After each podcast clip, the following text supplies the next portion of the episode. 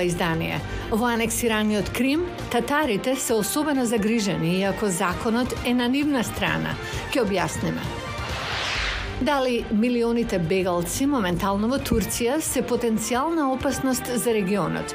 Ке ви кажеме како на ситуацијата гледаат во Северна Македонија. Пловечки фотоволтаични плочи, тренд во светот од повеќе причини. Останете со нас. Ова е Newsflash на гласот на Америка на македонски. Јас сум Лилица Китановска. Украина денеска го ограничи користењето на струја по руските напади, што уништија делови на електропреносната инфраструктура во државата. Еве ги деталите.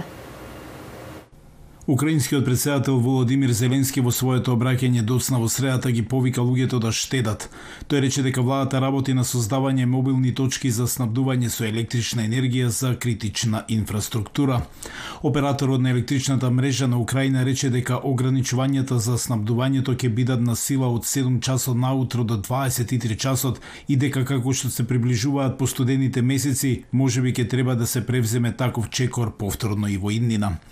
Во меѓувреме доцна вчера во Советот за безбедност на Обединетите нации на барање на Соединетите држави, Велика Британија и Франција се разговараше за руското користење на беспилотни летала од Иран во Украина. Вашингтон, Лондон и Париз велат дека снабдувањето од страна на Техеран кон Русија со овие беспилотни летала е кршење на резолуцијата 2231 на Советот на безбедност која дозволува трансфер на ограничени предмети до или од Иран само ако е одобрено од случај до случај. Такво одобрение не е побарано. Русија од 21 септември спроведува делумна мобилизација, а граѓаните од анектираниот Крим се повикуваат да помогнат во војната. Но експертите за човекови права велат дека најчесто се регрутираат домородните кримски татари. Проруските лидери на Крим велат дека руската така наречена делумна мобилизација на трупи во анектираниот полуостров завршила. Но еден лидер за човекови права што ги поддржува домородните кримски татари, кој сака да остане анонимен, вели дека повиците за регрутација продолжуваат да доаѓаат. Според моите информации, наредбите им се носат на граѓаните дома, Луѓето знаат дека не секој што ќе тропне на нивната врата им е пријател, така што сите не отвараат. Но властите почнаа да се преправаат дека некому му е потребна помош, штом лицето ќе отвори вратата, тие му го даваат документот. Украинскиот председател Володимир Зеленски се согласува. Катастрофична ситуација во окупованом Ситуацијата во окупираниот Крим е катастрофална. Информацијата за регрутирање на кримските татари е целосно верификувана. До нив стигаат најголем дел од повиците за регрутирање. Активистите за човекови права ги повикуваат луѓето да ги игнорираат повиците и да не се појавуваат во воените комесаријати, а доколку е можно и да се преселат. Тільки фізично переховуватись там, де Подобро е да се избегнуваат јавни собири за да не станат жртва на руските воени комесаријанти. Има броеви, вклучително и на тајната служба на Украина, на кои може да се јават оние што ќе завршат во првите борбени редови и да се предадат. Многу кримски татари се обидуваат да го напуштат полуостровот додека се уште можат. Некои од мажите меѓу 18 и 50 години се обидуваат да заминат. Оние што имаат пари и контакти се обидуваат да отидат во странство преку Грузија и Казахстан. Вработените во Центарот за ресурси на кримските татари веруваат дека руската така наречена делумна мобилизација е начин да се уништи движењето на отпор на кримските татари на полуостровот. вони хочуть знищити кримсько-татарський народ. Тие сакаат да ги уништат кримските татари со украински раци. Тоа би било најдобро за нив. Ке ги испратат во првите борбени редови во најопасните места. Не е јасно колку луѓе се регрутирани од Крим, но меѓународните активисти за човекови права велат дека регрутацијата е нелегална. Русија е обврзана да ги почитува Женевските конвенции. Меѓу тие правила е и она дека окупаторската сила не може да регрутира луѓе во деловите кои ги окупира. Представници на Human Rights Watch и други групи велат дека ги документираат овие и други потенцијални воени криминали од страна на Русија.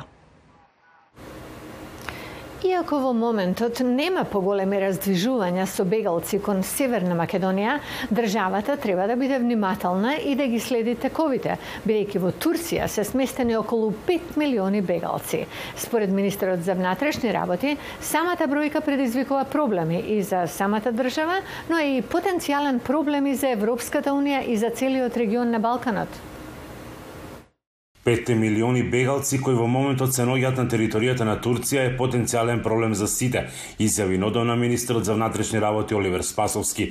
Тој подсети дека миграцијските текови од 2015 година до денес предизвикаа многу последици. Само низ територијата на Северна Македонија од 2015 до јануари 2016 година поминаа околу 1 милион и 100 илјади лица. Оваа бројка од над 5 милиони кои што се наоѓаат на територијата на, на Турција предизвикува проблеми за самата држава, меѓутоа тоа е потенцијален проблем и за Европската унија и за целиот наш регион. Затоа е од исклучително важење, важност како ќе функционира договорот Европска унија и Турција. Јас се надам дека како и досега успешно ќе се менаџираат тие односи, се со цел да не се предизвикаат поголеми предизвици пред сите нас да стојат во делот на спроването со, со миграцијата. Јасмин Реджепи од невладината Легис вели дека за сега состојбата е стабилна и оти не постои опасност од прелевање на поголема бројка на бегалци од Турција во земјава, но предпазливоста мора да е на највисоко ниво, вели тој.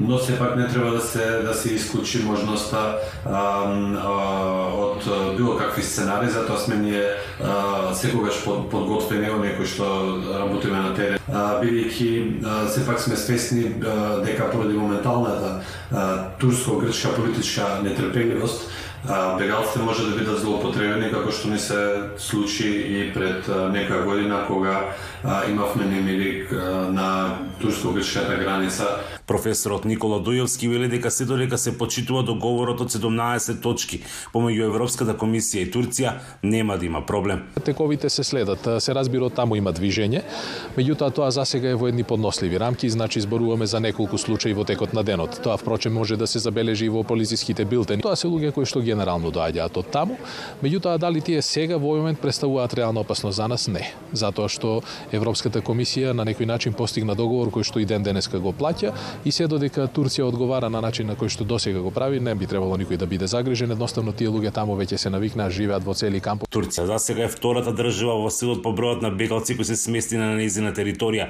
предупредува професорот. Според него земјава не може да влијае врз тоа дали ќе има или не нови бегалски бранови, но ти врска на државата е да ги подготви институциите да може да бидат повеќе одговорни и посветени тогаш кога ќе се јави потреба да одговорат и да ги заштитат граѓаните и безбедност безбедноста. За гласот на Америка од Охрид, Мики Трајковски. Соларните панели се повеќе ги има на покривите во многу делови во светот. Нов тренд е сега нивно инсталирање на водни површини. Ова особено е расширено во Азија и Европа, а сега почнува да зема замав и во Северна Америка. Еве како изгледа. Кој вели дека нема новитети како да се користи енергијата од сонцето? Една од најпопуларните иновации за незагадувачко производство на струја се лебдечки фотоволтаици или FPV, кои вклучуваат соларни панели по водни површини, вклучувајќи езера, резервоари, мориња. Некои проекти во Азија вклучуваат и илјадници панели за да генерираат стотици мегавати. FPV започна во Азија, каде што има многу економска смисла со отворено земјиште, високо ценето во земјоделството. Пловечките соларни проекти се уште поатрактивни кога може да се градат на водни тела во непосредна близина на хидроцентралите со постоечки далноводи. Ова езеро во сојузната држава Вирџинија е едно од речиси 25.000 вештачки водни површини во сад, идентификувани од владина студија како погодни за поставување фотоволтаични панели. Пловечките панели на една четвртина од површината на секој таков резервоар би генерирале речиси 10% од енергетските потреби на Америка. Го гледавте Newsflash од студиото во Вашингтон. Поздрав до утре.